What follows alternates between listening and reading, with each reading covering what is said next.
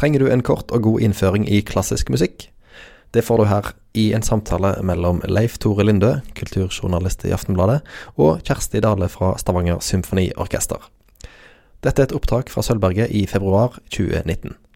Um, vi har altså gjort dette her en stund nå og vært gjennom eh, omtrent det som fins av gamle rockeband og sånt. Og så fant vi ut at vi må gjøre dette med, de, eh, med, den musikken som en del av dette bygger på. Som de står litt på skuldrene på. Eh, derfor bestemte vi oss for at da går vi løs på den klassiske musikken.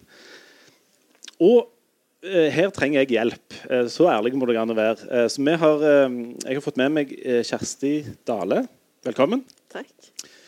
Du har spilt i Stavanger Symfoniorkester i mange år og jobber nå i administrasjonen. ikke sant? Ja.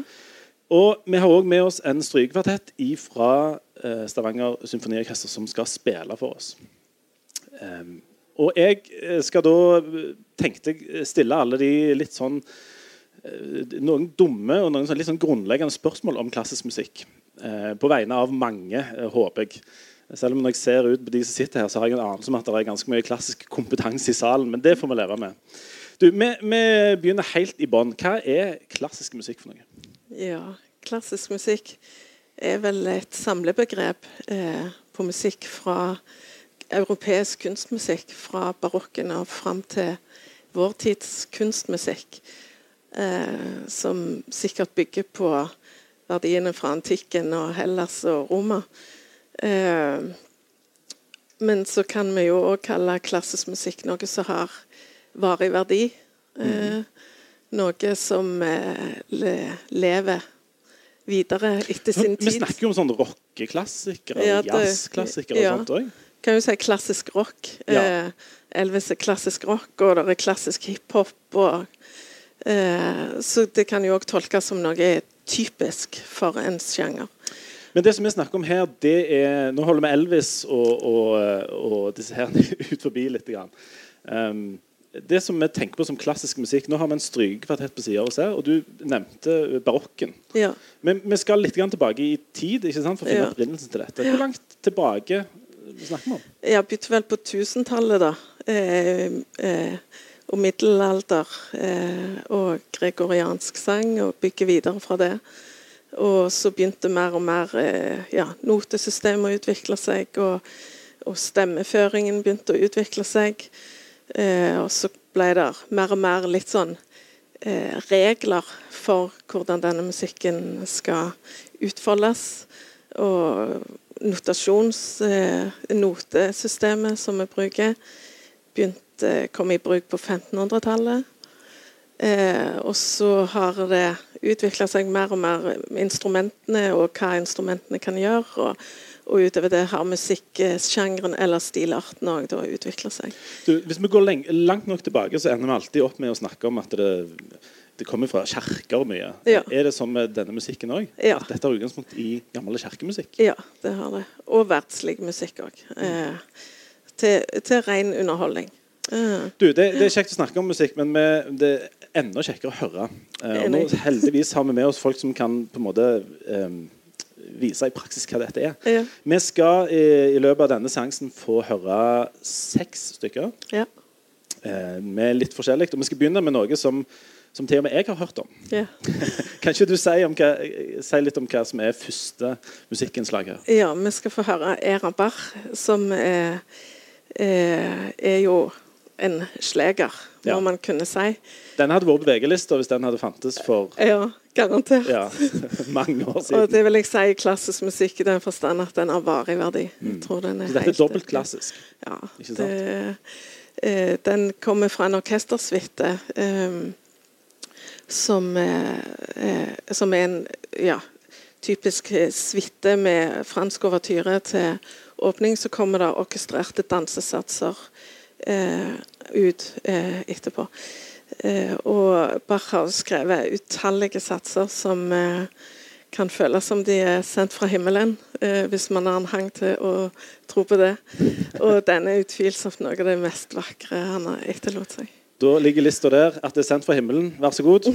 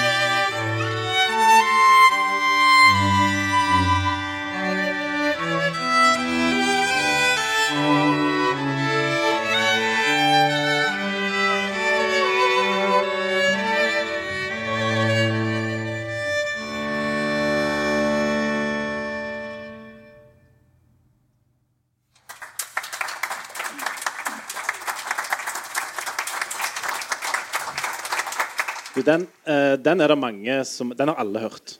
Den har de fleste hørt. Til og med, til og med eh, Jeg tror jeg vet om ti sånne popsanger som har brukt denne som sånn utgangspunkt for å lage, lage ny musikk. Ja.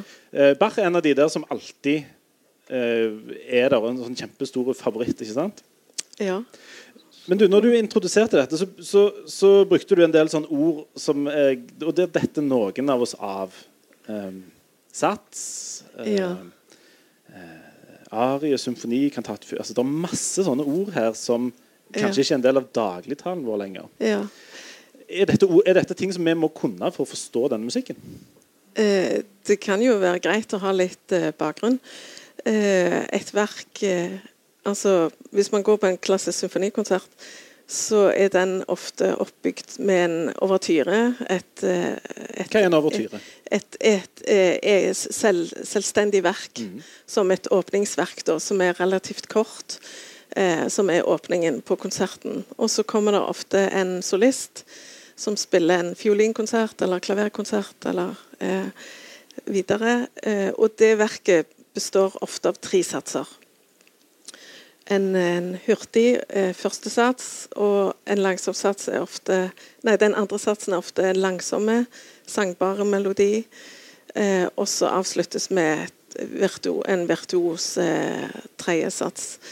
Og, og der kommer den applausen inn som så mange syns er så vanskelig. Ja, du Skal vi gå løs på det med en gang? Ja, For dette, altså jeg, jeg jobber jo i Stavanger Aftenblad, og der har vi med sånn ujevne mellomrom så har vi sånne diskusjoner faktisk i spaltene til og med om applaus. ja.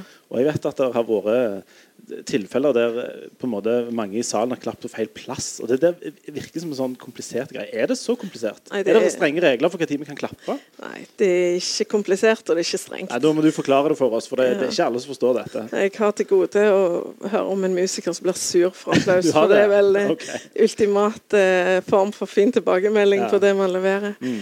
Eh, ja, det er jo sånn at et, et verk er, skal kunne oppleves som en eh, organisk helhet.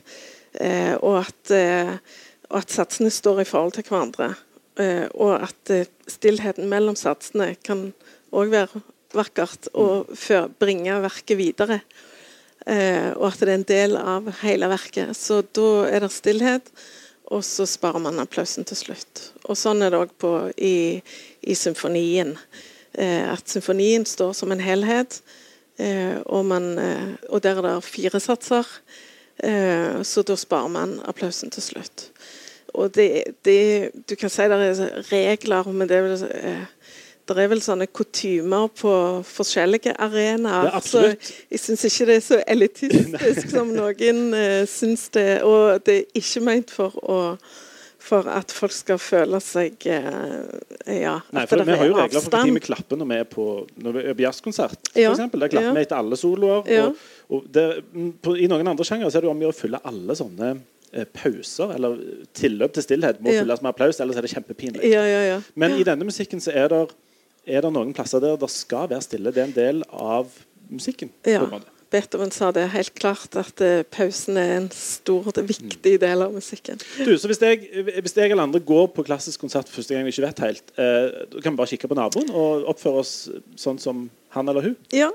Eh, Tilsvarende hvis man er på en tennismatch og det er helt stille når de skal serve. Er det ikke det det heter? Jo. Så, så Da ville, du, da, man ja, da ville vi sett på naboen der òg Ja. og sett hvordan de, hvordan de Ja. Men musikerne blir ikke sure. De blir ikke det? Nei. det var, det var godt å høre. ja. Så Hvis noen skulle bryte ut i, i applaus eh, litt sånn spontant, så, så er det tilgivelse for sånt? Ja, Mozart elsket visst eh, applaus under konsertene og ville gjerne ha det. Ja. Og på Beethovens tid så bua de, eller hurrarop. Eh, ja. Nå er vi inne på noe. Skjer det og- ofte i konserthuset i Stavanger? At det er buing? Og... For mer reserverte nordmenn så er det vel stående applaus er det ultimate tegn på hengivenhet til utøver og orkester og, og dirigent. Så bu buing og hiving av tomater og sånt, det hører litt sånn fortiden til, Ja, kanskje? ja, og vifting med klesplagg og hatter og ja. Ja. Jeg må bare spørre, er, er det, Tar man av seg klesplagg og vifter med, eller er det Tar du med deg noe? Jeg har ikke sett det i fartanvalen. Du har ikke det? Men, eh, men eh, den salen er ennå ung. Ja, ja, ja, sånn? mye kan skje. Det, du, du nevnte uh, Mozart, Ja. ikke sant? Er det han vi skal få høre nå? Nå skal vi få høre av disse flotte musikerne. Jeg har bare lyst til å introdusere dem. Ja, gjør det. Det er Inger Ine Dahl og Naho Nayagi på Nayuki, unnskyld, på fiolin. Tim Hansong Meng på bratsj. Og Katarina Svendsen på cello. Fantastisk. Så de Og vi, skal- vi skal få høre Mozart, som Ja. hadde vært på, på topp 20-lista, VG-lista, hvis han hadde Ja, garantert. Det gikk jo litt opp og ned med han, stakkar. Ja, Men for oss så kan man gjerne tro at han bare var en hit hele veien. Eh, vi skal få høre siste sats. Eh, og da er det nummer fire. En klassisk eh, strykekvartett. Oppbygning er ofte fire satser. Mm. Dette er en allegro molto-sats. Eh, det er fra en eh, strykekvartett nummer 14 i G-dur. Den har tilnavnet Vårkvartetten. Og den ble skrevet eh, i en serie av seks eh, når Mozart hadde flytta til Wien. Eller hans første år i Wien. Eh, så, og de er både skrevet til ære for Josef Heiden, og dediserte han som regnes som opphavsmann for eh, strykekvartettformen. Ja. Da hører vi på det. Vær så god.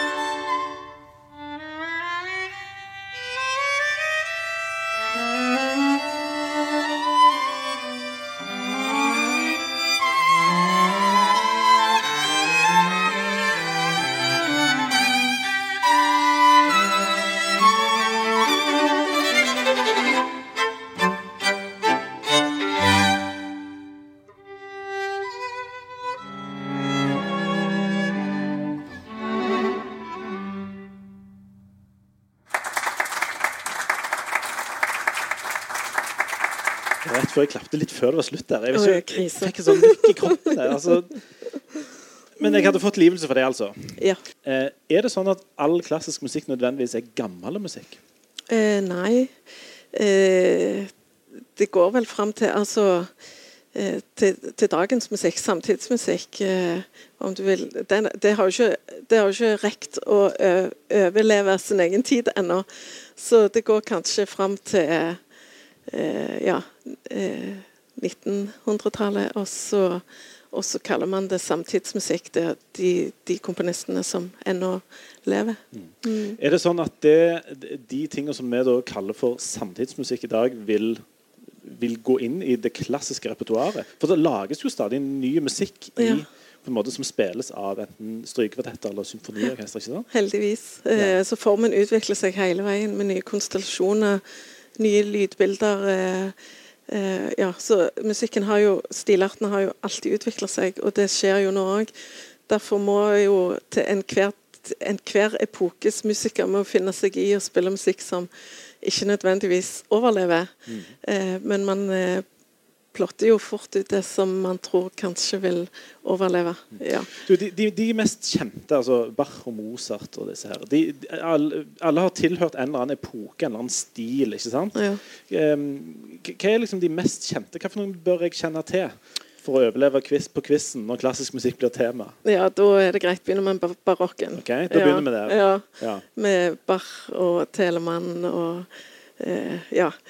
Eh, Händel og Corelli, Albinoni. Ja. Nå begynner det å bli mange for quiz-hjernen min husker huske på her, men jeg skal, jeg skal gjøre et forsøk. Da er vi på barokken, og så kommer neste kommer det flere perioder etterpå. Ja. Eh, noen av de har jo dette klassiske navnet i seg, ikke sant? ja. Ehm, hvem, er det, hvem er det som liksom er de store i de, i de periodene som kommer etterpå? Ja, så kommer klassisismen. Ja, der er jo overgangsperioder mm. og renessansen. Og eh, så kommer klassisismen med wienerklassisismen. Og der er det jo Haydn og Beethoven, Mozart eh, Hvordan, hvordan forandrer musikken seg i, i løpet av disse periodene? Er, er, det, er det andre instrumenter som kommer inn? Er det andre måter å skrive musikk på? Um, går det fra små stykker til store stykker? Eller hvordan, hvordan er liksom, den sto, de store linjene her? Ja, i, eh, i barokken så forandres Fra middelaldermusikken så forandrer på en måte stemmeføringen seg. Eh, for at det, da var det sånn gregoriansk sang med at de sang eh, hele tiden mange stemmer. Eh, og, så, og så gikk det over til Bach eh, utvikla en solostemme med akkompagnement, med, med stort fokus på teksten, da. Eh, for å framføre det, det kirkelige budskapet. Eh, og da var det òg framvekst av konserter og oratorier og kantater med, en sangsoli med sangsolister og kor. Eh, så stemmeføringen forandrer seg, og så, unnskyld, eh, så går det videre til klassisismen, og instrumentene utvikler seg hele veien. På barokkens tid så var det jo Treblåsinstrumentene hadde bare eh, huller i, i, i treverket. I, og, og så utvikler det seg hele veien. Så kommer det klaviatur på. og eh, For messinginstrumentene så utvikles ventilsystemet, sånn at de går fra å spille kun naturtoner til å kunne spille kromatiske stemmer. Og det gjør jo eh, en verden i forskjell for komponistene, som kan eh, lage en helt annerledes melodiføring. Er det sånn at den musikken som vi hører, hører fra disse komponistene i dag, er skrevet for helt andre instrumenter en helt annen lyd enn den som finnes i et symfoniorkester eksempel, i dag? Eh, med variasjoner. Altså hvis dette eh, Hvis eh, orkesteret skal spille barokkmusikk, så går det jo inn i en annen spilleteknikk, en spillemåte, sånn sett, og bruker barokkbuer og kanskje tarmstrenger for å tilegne seg eh, tilnærme- Tarmstrenger? til- Ja. oh, herlighet. For å tilnærme seg lydbildet mest mulig, og tolkningen, selvsagt. Eh, og eh, blåseinstrumentene, ja, i hvert fall treblås. fall obo, da, som jeg relaterer mye til. Eh, låt nok ganske annerledes. Ja. Du, Vi skal snakke mer om det om forskjellige måter å spille denne musikken Mm. på, men eh, vi må høre litt til først. Ja. Egentlig så burde de bare spilt hele tida, men, Ja, men vi, vi må snakke litt for skams skyld innimellom. Ja. Eh, hva, er, hva er neste på, på programmet vårt? Altså nå, eh, Når vi var innom eh, epoker, så, så er jo romantikk en, eh, en vanvittig stor del Kona mi er veldig glad i den. Jeg forstår meg ikke helt på den. Men eh, musikkeksemplene i dag så hopper vi litt over romantikken, dessverre. dessverre. Det sier kona mi og meg òg, vi dessverre hopper over romantikken. Men la gå. men eh, romanti romantisk repertoar eh, det, det er ofte Vi hadde lyst til å sammen, altså, kjøre det inn i dette konseptet så, og spille fullstendige satser og ikke klippe.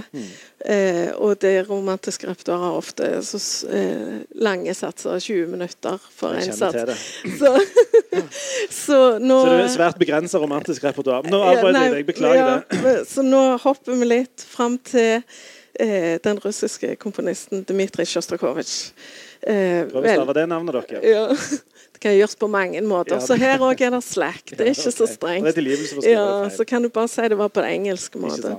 Vi skal få høre andre sats fra strykekvartett nummer åtte.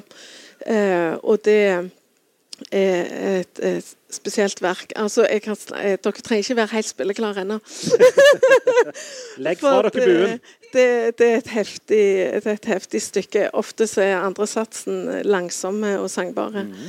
Eh, her har Sjostakovitsj snudd eh, opp og ned på satsene. Første satsen er veldig langsomme, og den begynner med DSCH. Sjostakovitsj sin eh, musikalske signatur, som han har brukt i mange verk. Eh, og, og han, eh, han har jo en spesiell livshistorie, for han var elleve år når eh, kommunismen kom til makta i Sovjetunionen. Han levde under det regimet hele sitt liv. Og han var lærte seg vel å leve under, et, under det regimet. Og han ble vekselvis både hylla og trakassert som kunstner. Så han hadde ja, ups and downs. Um, og når denne uh, s- eh, strykvartetten her ble uforført, så Nei, Borodin-kvartetten eh, har spilt den for han. Og da, på den tiden han skrev han, så var han i, i, i Dresden og skrev eh, Han skulle skrive filmmusikk eh, til en film om bombingen av Dresden under andre verdenskrig. Eh, og da eh, Han hadde en tung periode da.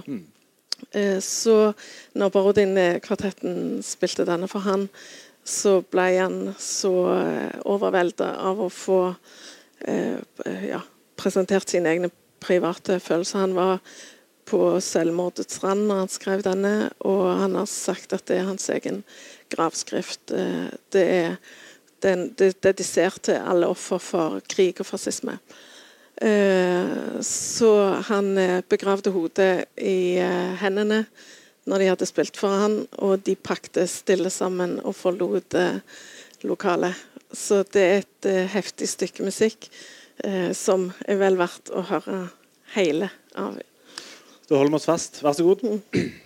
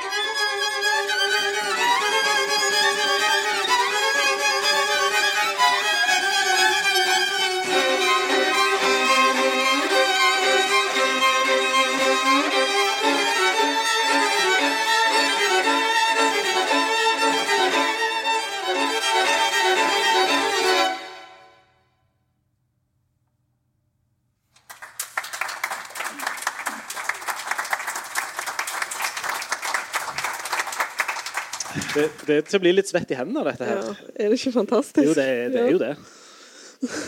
Du, hvor, eh, hvor mye må en eh, musiker øve for å klare å gjøre dette her? Sykt mye. Ja, du har gjort, du har gjort dette her sjøl. Ja, det har jeg. Um, er det når du, hvis, du, hvis du skal starte et uh, Myten om sånn rockeband er jo Ja. at det er Du samles en gjeng med venner, og så begynner du å spille, og så lærer du det etter hvert. Mm. Ikke sant? Etter du har gitt ut et par plater, så blir du flink til å spille. sånt. Men det, dette er noe annet, ikke sant? Ja, en begynner jo gjerne tidlig alder. Eh, og det sies at man skal ha 10 000 øvingstimer før man er 18 år. Eh, men det kan, Ja. kan jo gjelde mange, mange ting. kan gjelde svømming og kan gjelde mye det. Og tørn og ja. Men, eh, men det er utrolig mye arbeid ligger bak, og profesjonisme. Og eh, det, det, det kulminerer jo på en konsert, sånn som vi får oppleve her nå. Eh, og når et symfoniorkester sitter fokusert på scenen og framfører stor musikk, og 90 musikere eh, all, eh, Og tenker på alt det som ligger bak av eh, studier og øvingstimer og dirigent og solist som skal komme inn sammen med orkesteret, eh, så kulminerer det i sterke opplevelser. Det, Du, det er fantastisk. Vi, går løs på det. Hva er et symfoniorkester for noe? Ja, det er eh, en flott organisme. Nå kommer egenreklame der, men det, det er greit. Ja, det er jo strykeorkester, fioliner, bratsj, cello. Hvor mange mann må vi Eh, ha for at vi skal kunne kalle det et symfoniorkester? Ja, det er litt sånn urettferdig, for det er et ungdomsorkester så tar det de har, de må ikke få lov til å kalle seg et symfoniorkester. Eh, men et, et profesjonelt orkester må nok bestå av 80-90 eh, Ja. Men så finnes det òg kammerensemble. Og altså, man må Man kan ikke ansette flere enn det man har. Så man får spille det tilpassa repertoaret til, til, til den besetningen man har. Man har. Eh, I SSO så er det jo klaver og Ja, det er jo ikke det er ikke for alle, eh, alle som har det, f.eks. Og det er slett ikke all den musikken som er skrevet for et helt orkester. ikke sant? Nei. Eh, Sånn som vi hører her. Ja. Og det finnes òg Man kan jo sette sammen forskjellige grupper. Det er man kan spille blåsekvintett, messingensemble, messingkvintett og, og, og, og musikk skrevet på tvers av disse sånn ensemble-begrepene, da. Og du, når, når, når vi ser eh, folk spille klassisk musikk, så sitter de med noter foran seg Ja, ofte. ja. Ikke alltid, Ikke alltid. men som regel. Ja. For dette er musikk som er skrevet ned. Um, og du, du får en form for oppskrift for hvordan dette skal spilles. ja. Og I en del tilfeller så foran eh, musikeren så står det en litt svette kar med, med litt sånn bustete hår uh, og prøver å vifte vekk in insekter. Uh, og, og, eller driver med noe sånt sverdslag. Um, hvorfor uh, må det være en dirigent her? Jeg forteller ikke disse notene egentlig hvordan du skal spille dette, og så kunne han egentlig bare gått hjem eller satt seg i salen. Eller. Ja. Er det ikke bare én måte å spille dette på når det, når det er skrevet ned på noter? Eh, av og til kunne han gått hjem. Og- kunne det, ja. satt seg i Ok, sammen. ja. Det var et lite en en hilsen til dirigentene. trenger- Ja. Nei, eh, dirigentene kommer jo inn og, og har med sitt erfaringsgrunnlag og sin musikalitet og tolkning. Eh, Og på en måte instruere orkesteret. For orkesteret kunne spilt standardrepertoar, bare spilt på konsertmester. Eh, men da blir det kanskje litt forskjellig tolkning. Eh, så det er greit å ha en leder, akkurat som det er greit å ha en spillestil på en fotballbane, har jeg forstått. Så det går litt i det samme. Og eh, dirigenten instruerer i eh, alt fra fraser eh, til bueføring og hvor, hva slags attakk man vil ha, om man vil ha eh, mykt anslag eller markert, og på den måten eh, eh, sette karakter på musikken, selv om man er veldig notetro. Man vil jo oppfylle komponistens intensjoner, og det er ofte veldig detaljert skrevet ut. Allikevel er det stort rom for å tilføre et eget uttrykk. Heldigvis. Hvis ikke kunne man bare hørt på allerede innspilte plater. Ja, det var, det var nettopp det jeg tenkte. at uh, Alternativet er jo at uh, hvis, det, hvis det er gjort én gang, så er det, trenger ingen gjøre det igjen. Ja. Men det er ganske mye rom for å gjøre det på forskjellige måter her. ikke sant? ja, det er det. Nå, nå, uh, du har jo spilt, har jo lang orkestererfaring. Hvor mye, hvor mye forskjell er det når du spiller det samme stykket fra gang til gang? For, eh, altså, alt etter hvem, hvem han Busten som står og vifter, er Ja, det er jo noe av det som er så fascinerende med den musikken, som viser den store dybden i det. Eh, at det kan gjøres på så forskjellige måter. Eh, og at det kan En eh, Beethoven-symfoni som ble spilt inn eh, i Tyskland på 60-tallet, låter eh, helt, helt, helt annerledes enn det som er framføringspraksis i dag.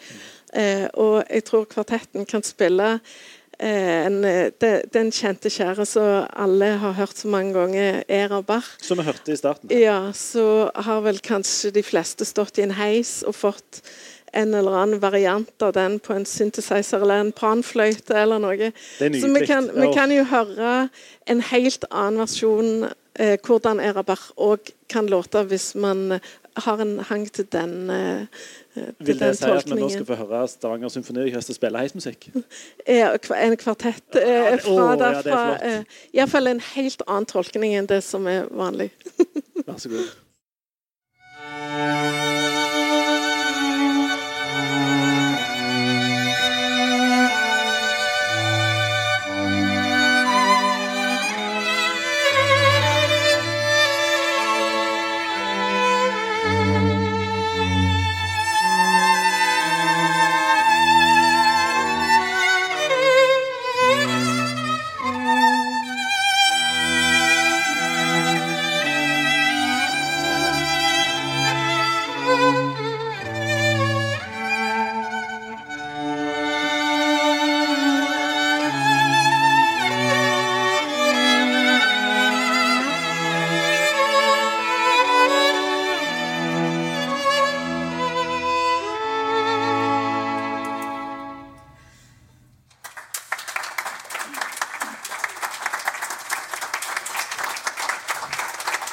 var en interessant versjon. Ja, altså Jeg syns jeg så humring blant musikerne her. Stemmer det?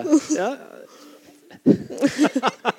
Det er um, eh, til og med ufaglærte hører at det hørtes annerledes ut. Ja. eh, Så det er jo altså regler og regler, men det er jo Det er jo eh, dan, Det er en veldig dannelse som ligger i ja, utdannelsen og sko, skoledannelsen bak eh, klassiske musikere. Som, eh, som eh, At man har eh, enormt respekt for stil og det komponisten har satt ned på papiret. Og det er musikernes ansvar å viderebringe og for å holde musikken levende. Mm. Er det sånn at hvis jeg skal gå på klassisk konsert, så bør jeg kunne en del ord og uttrykk? Bør vite eh, en del om de som har skrevet musikken? Eh, vite en del om tradisjon og sånt? Eller kan en gå helt blank og få utbytte av det likevel? Ja, en kan gå helt blank og få utbytte av det. Det er min sterke påstand. Mm. Eh, og så er det jo eh, hva hva personlighet man har hvis man har lyst til å ha bakgrunnsinformasjon. Så eh, jeg syns det er gøy å vite om Sjostakovitsj sin bakgrunn når vi hører eh, det eh, eh, eksempelet vi fikk her. Eh, og sånn er det jo med, med mye musikk. Det er kjekt å vite hva man relaterer det til, hvilken tid det ble skapt i, om det, hva, hva samfunn man hadde da. Klart at det er interessant. Men eh, jeg mener jo at musikken snakker til noe annet enn hjernen og informasjonen. Det, det, det snakker til hjertet, og man kan oppleve sterke ting eh, om man har eh, null eh, informasjon. Hva er verkorientering for noe? Ja, der får man en, en, et innblikk i bakgrunnen. Dette er eh, noe som av og til dukker opp på konserter? ikke sant? Ja, eh, det er ofte i forkant av i hvert fall ja, Stavanger Symfoniorkester sine abonnementskonserter. Så er det et arrangement i forkant satt inn i musikken, eh, der noen eh, presenterer programmer eller eh, ut, utdrag av programmet, og, og forteller mer om, eh, om verkene og komponistene. Og det, det er jo kjekt, det. Ja. Det, Og som, som en del andre plasser i livet så er det jo sånn at uh, du trenger ikke kunne noe, men, eh, men det er, du kan gjerne få ekstra utbytte av sånne ting hvis du kjenner til litt av bakgrunnen. Sånn som du fortalte om han som jeg verken tør å skrive navnet på eller uttale navnet på. Eh, skal bare si Sjosta. Sjosta. Dmitri, kan vi si. Ja. Um, at når en vet litt sånne ting, så kan en, kan en sette seg i en litt sånn annen modus når en hører på det. ikke sant? Ja. Kan, kan relatere det til litt andre ting. Mm. Men, du, men du mener vi trenger ikke kunne sånne ting? Nei. Men i, i programmet så er det jo det er veldig informative programmer. Det står opusnummer, og det betyr jo verknummer. Så det er hvilket nummer dette verket er i rekken for komponisten. Og det kan hete Det heter Köchel for Mozart. Eh, for der er den eh, Ja. Der er det Köchel-nummer, og for Bach så er det BOEV-nummer. Men det, det viser jo eh, hvor seint det er i produksjonen. Ja. Så da kan man få en, så står det årstall når komponisten har levd, så kan man relatere til eh, hva tid det er, selv om man ikke er kjent med komponistnavn. Eh, og så står det til satsene så står det ofte tempobetegnelser, allegro eller eh, Er ikke det en vin? Eh, jo, sikkert. Eh, eh, og, og, det er, og lento, largo, langsomt Mm. og, og en menuett. Og du får mye informasjon om karakteren i musikken òg gjennom eh, programmet. Så kan du høre det først, og så kan du gjerne lære det etterpå. Og så kan du herje på quizen eh, til slutt. Mm. Du, vi, vi, må litt, eh, vi må ha litt mer eh, Vi må ha litt mer musikk. Ja. Eh, eh, skal vi videre i heismusikkens verden, eller skal vi gå over på noe som musikerne klarer å spille uten å flire? Ja, nå, og dette er vakkert som kommer nå. Nå skal vi få høre eh, Geir Tveit. Oi, Ja, den, det hørtes ikke så gammelt ut. Nei, det er ikke så gammelt. Han døde i 1981. Eh, men han har skrevet masse ruvende orkestermusikk. Eh, han eh, klarer å forene elementer fra norsk folkemusikk med den eh, europeiske kontinentale musikken. Eh, og han bringer inn vokalelementer og hardingfelelementer eh, fra folkeviser og slåtter inn i musikken sin. Og han har skrevet eh, orkestersuite, ofte fargerikt instrumentert, og han, han eh, gikk for å være en, en stabukk, og man kan høre sånn fandenivoldskhet i musikken hans. Eh, men òg stemningsfulle, veldig vakre og, vakker og inderlige satser som han har skrevet. Og nå skal vi få høre 'Velkommen med ære'. Eh, og hvis man har lyst til å høre andre musikkstykker fra Tveit, som 'Storskryterstev' eller 'Hastverksbrudlaup' eller eh, Hastverksbrudlaug. ja, det er, det er Hardanger, vet du, og hjemmebrygga øl. Eh, så har SSO spilt inn syv CD-er med Geir Tveit sin musikk. Der kommer mer egenreklame. Ja. Alle tider. Så nå skal vi få høre 'Velkomne med ære'.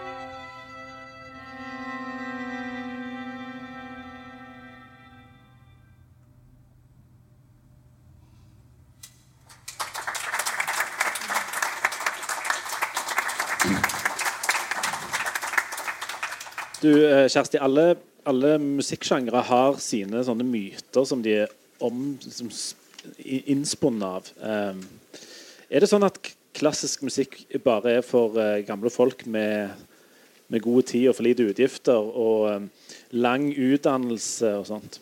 Nei, Er det ikke? klart ikke det. Er det ikke det? Nei. Det er mange unge, unge folk på våre konserter. Heldigvis for det. Eh, og alle de som jeg eh, vet om som er i det der eh, eh, midtlivstiden eh, der, med unger og fotballtreninger og sånn. Alle sier jeg skulle ønske jeg hadde tid til å gå. Og så kommer det en tid hvor man har mer tid. Og da kan man ta tid til seg sjøl og gjøre det. Så det er kanskje en naturlig årsak til at, at det der er Ja. Hvem er, det, hvem er det et symfoniorkester spiller for i løpet av et år? Oh, eh, hele spekteret av befolkningen. Heldigvis for det. For det at eh, orkesteret har lyst til å være for alle. Eh, og SSO spiller for eh, 18 000 barn og unge hvert år. Og det er eh, serier eh, fra alt fra barnehagekonserter, skolekonserter hvor eh, en gang i året kommer de inn hele skoleløpet og får gå på symfonikonsert, eh, skolekonsertprogram spesiallagt for eh, formålet, med pedagogisk oppbygning. Og så lager jo orkesteret masse kjekke crossover-produksjoner med, med popartister og fra andre sjangere da. I fjor var Arif og Unge Ferrari inne og gjorde en storslått eh, konsert. Så det er mm, Også i tillegg så har vi jo eh, den vanlige abonnementsserien, som ikke er bare for abonnenter. Men det, for, det går an å kjøpe enkeltbilletter uten å måtte tegne et eh, fast abonnement. Og så er det fredagsserie som tar hånd om Ja, den heter Klassikerserien. Eh, for der skal man eh, på en måte være litt garantert at man møter på eh, gode, gamle klassikere. Mm. og så spiller man på oppsøkende virksomhet på, på gamlehjem og i fengsel til og med, og på kafeer og på jernbanestasjon og på ferje. I heiser, kanskje? Ja, ja, ja. Tar med seg det rette repertoaret? Jeg lurer litt. Du, når du er et, et symfoniorkester i Norge, er jo eh, for en stor del betalt av det offentlige. ikke sant? Ja. Um, hvorfor skal vi ha eh, et symfoniorkester som det offentlige betaler for? Hva, hva er liksom tanken bak det? Ja, eh, da tenker jeg eh, Spør deg igjen hvorfor skal vi ha biblioteker og teater eh, og kunstgallerier? Eh, jeg tror jo at musikken er en stor del av menneskers liv eh, i forskjellige former og stiler, selvsagt. Men eh, jeg tror ja, Vil vi være en kulturnasjon og ta vare på denne musikken, så må vi spille den eh, hele veien. og og være tradisjonsbærere, samtidig som man utvikler nye, eh, nye verk eh, fra samtiden. Da.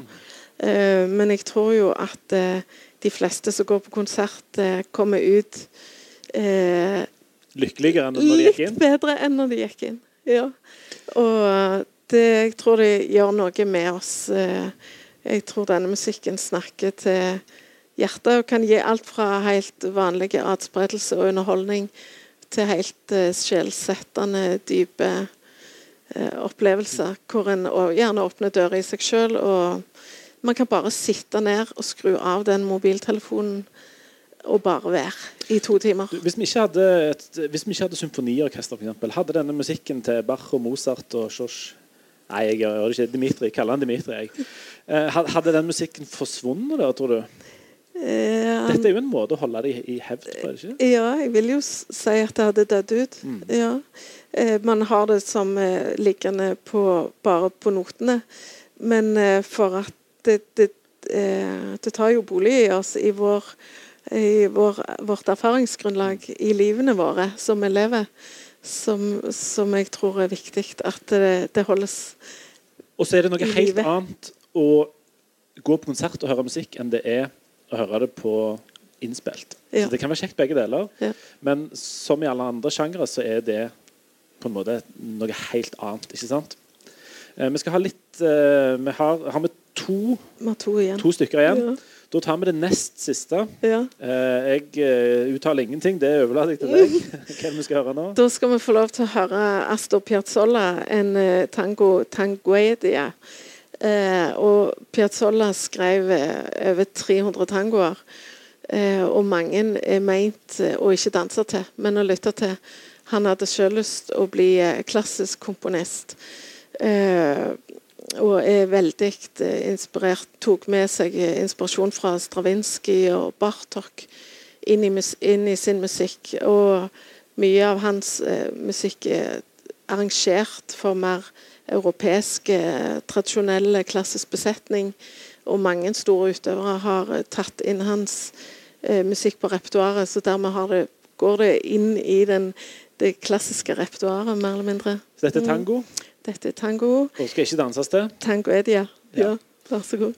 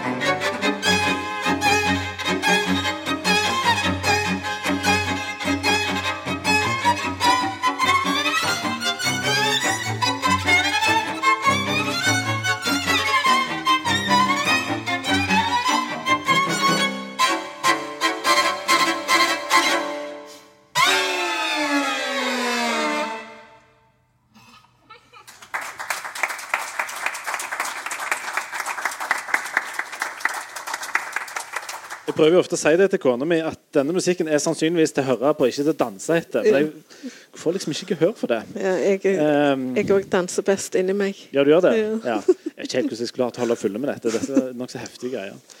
Du, vi er, nå er vi fryktelig nærme slutten her. Eh, hvis eh, jeg eller noen andre eh, som jeg, eh, Hvis du har noen helt, litt, folk som er helt blanke, som ikke har vært borti dette i det hele tatt med klassisk musikk, eh, men som tenker at eh, OK, dette her er eh, dette er noe jeg, jeg har lyst til å prøve å finne litt ut av. Ja. Hvor skal en begynne hen? Ja, og det er jo en verden å ta av. Men det kan gjerne være skummelt å si det òg, for dette, da blir det helt uoverkommelig. Nå, skal, jeg- nå, nå kommer Ja. jeg ikke til å gi meg før du, du har noen sånne konkrete knagger Ja. som jeg skal begynne med. Ja.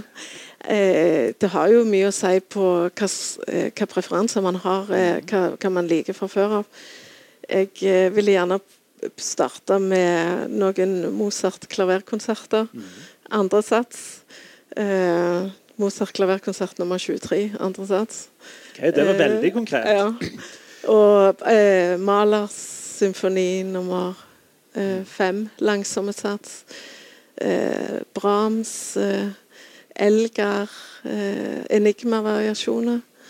Eh, åh, det er jo så halve måned. Eh, Samuel Barber, Adagio. Det er en sånn en. Men så er det noen som liker sånn ja, rocka altså, eh, John Adams er jo en samtidskomponist. Eh, med A Short Ride in a Fast Machine. Eh, eller Carl Orff, eh, Camina Borana. Eh, så det er jo alt etter hvilken stil du eh, foretrekker fra før av. Bør du begynne å høre på musikk hjemme, eller bør du gå på konsert først for å få et liksom, inntrykk av hva dette kan være? Eh, Hva, ja. tror du, hva, hva er den beste måten å starte på? Ja, jeg elsker å lytte til denne musikken. Eh, å lytte, ja. Eh, så, men det fungerer hvis at jeg har på noe fint hjemme, og så plutselig skal jeg gjøre noe. Da må jeg bare skru av, for at jeg orker ikke ha det bak eh, uten å være til stede. Så ei freda stund med deg sjøl og sette på noe fint. Det er ganske godt forskjell. Du, og Hvis jeg da skal, gå, skal ta det neste steget Det høres ut som vi skal langt ut i rusmisbruket her. Men ok, um, hvis jeg skal ta det neste steget og prøve meg på å gå på konsert, eh, må jeg kle meg fint? Nei. Ikke det? Nei. Oh, nei. Ok, Da er det ikke slipstvang? Må fælt lite. Okay. Bare kom og vær og opplev det. Sier du det? Ja, ta Og klapp nesten når du vil? Og... eh, Ja. Er det så enkelt? Det er kjempeenkelt. Ja. Ja, jeg kan nesten tro deg, da, for du Ja. har jo greie på dette. Um, hvis, skal, hvis du skal gi oss fem eh, komponister nå, må du, nå må du velge fem. Oi, For nå begynte du skulle være veldig konkret, så var du veldig konkret i starten, og så plutselig så nevnte du ganske mange. Ja. Så jeg trenger fem stykker, så nå skal jeg gå hjem etterpå skal jeg høre meg opp på fem stykker. Oh, ja. Mm. Det er nesten litt og, da skal du få litt bakgrunnen. da. Jeg er veldig glad i musikk, Mm. men jeg hører stort sett på ny, moderne musikk. Mm. Um, jeg tåler å høre den litt, så, litt variert, men jeg vil òg gjerne ha noe som jeg føler at jeg har hørt litt før. Ja. Av, av det klassiske. For jeg har hørt litt. Ja. Så skal jeg ha Eh. fem stykker før vi gjør oss her. ja. Um. Oh. Og nå må du velge. Det er Ja, fryktelig. det, ikke så, hvem liker du best av Ja. dine? Ja. Ja, det kan jeg svare ganske konkret på, men jeg tror ikke jeg skal gjøre det. For dette, dette, går i, dette blir tatt opp, vet du. Men jeg har min klare for Nei, jeg har ikke det. Um, ja uh, jeg, jeg, jeg ville hørt på Brahms. Brahms. Ja. Jeg noterer Brahms. Ja, fordi at han har så vanvittig eh, Men dette er jo Noen sier jeg liker ikke Brahms. Nei, men det får de bare si. Nå er det, ja. nå er det, nå er det du som eh, kommer med tipset her. Ja, Brahms det er den ene. Ja. Og Maler. Maler. Ja. Eh, Jeg noterer det òg, ser du. Ja. ja, og Bach, Mozart og Beethoven. Bach, Mozart. Ja. Det, hvis det var fem, så måtte det bli de. Mm. Ja. Og du, nå er, vi, nå er vi kommet i mål, og helt til slutt skal vi høre noe som faktisk ikke er noen av disse fem. ja. Vi skal høre noe helt annet. Før du introduserer det, så um, skal jeg bare takke hjertelig for at du var med. Det var kjempehyggelig. Og tusen takk til musikerne. Vi gir dem en klapp før vi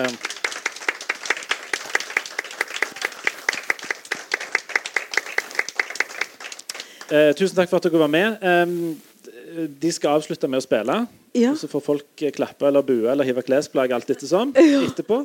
Eh, hva er det siste vi skal få høre i dag? Da skal vi få høre et eh, kort stykke av Philip Glass, eh, som er en amerikansk komponist eh, som skriver minimalistisk eh, og har lignende kvaliteter som Steve Reich og, og John Adams. Veldig repetitiv musikk.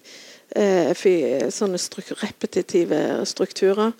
Eh, og han har eh, skrevet en mengde filmmusikk. Og masse symfonier og, en, og åtte strykkvartetter. Ja. Så Da skal Det- vi høre på det, og så eh, kan vi oppfordre vel bare alle til å, hvis ikke de allerede har begynt med klassisk musikk, til å bare komme i gang. Ja. Ikke sant? ja, det er en verden som venter.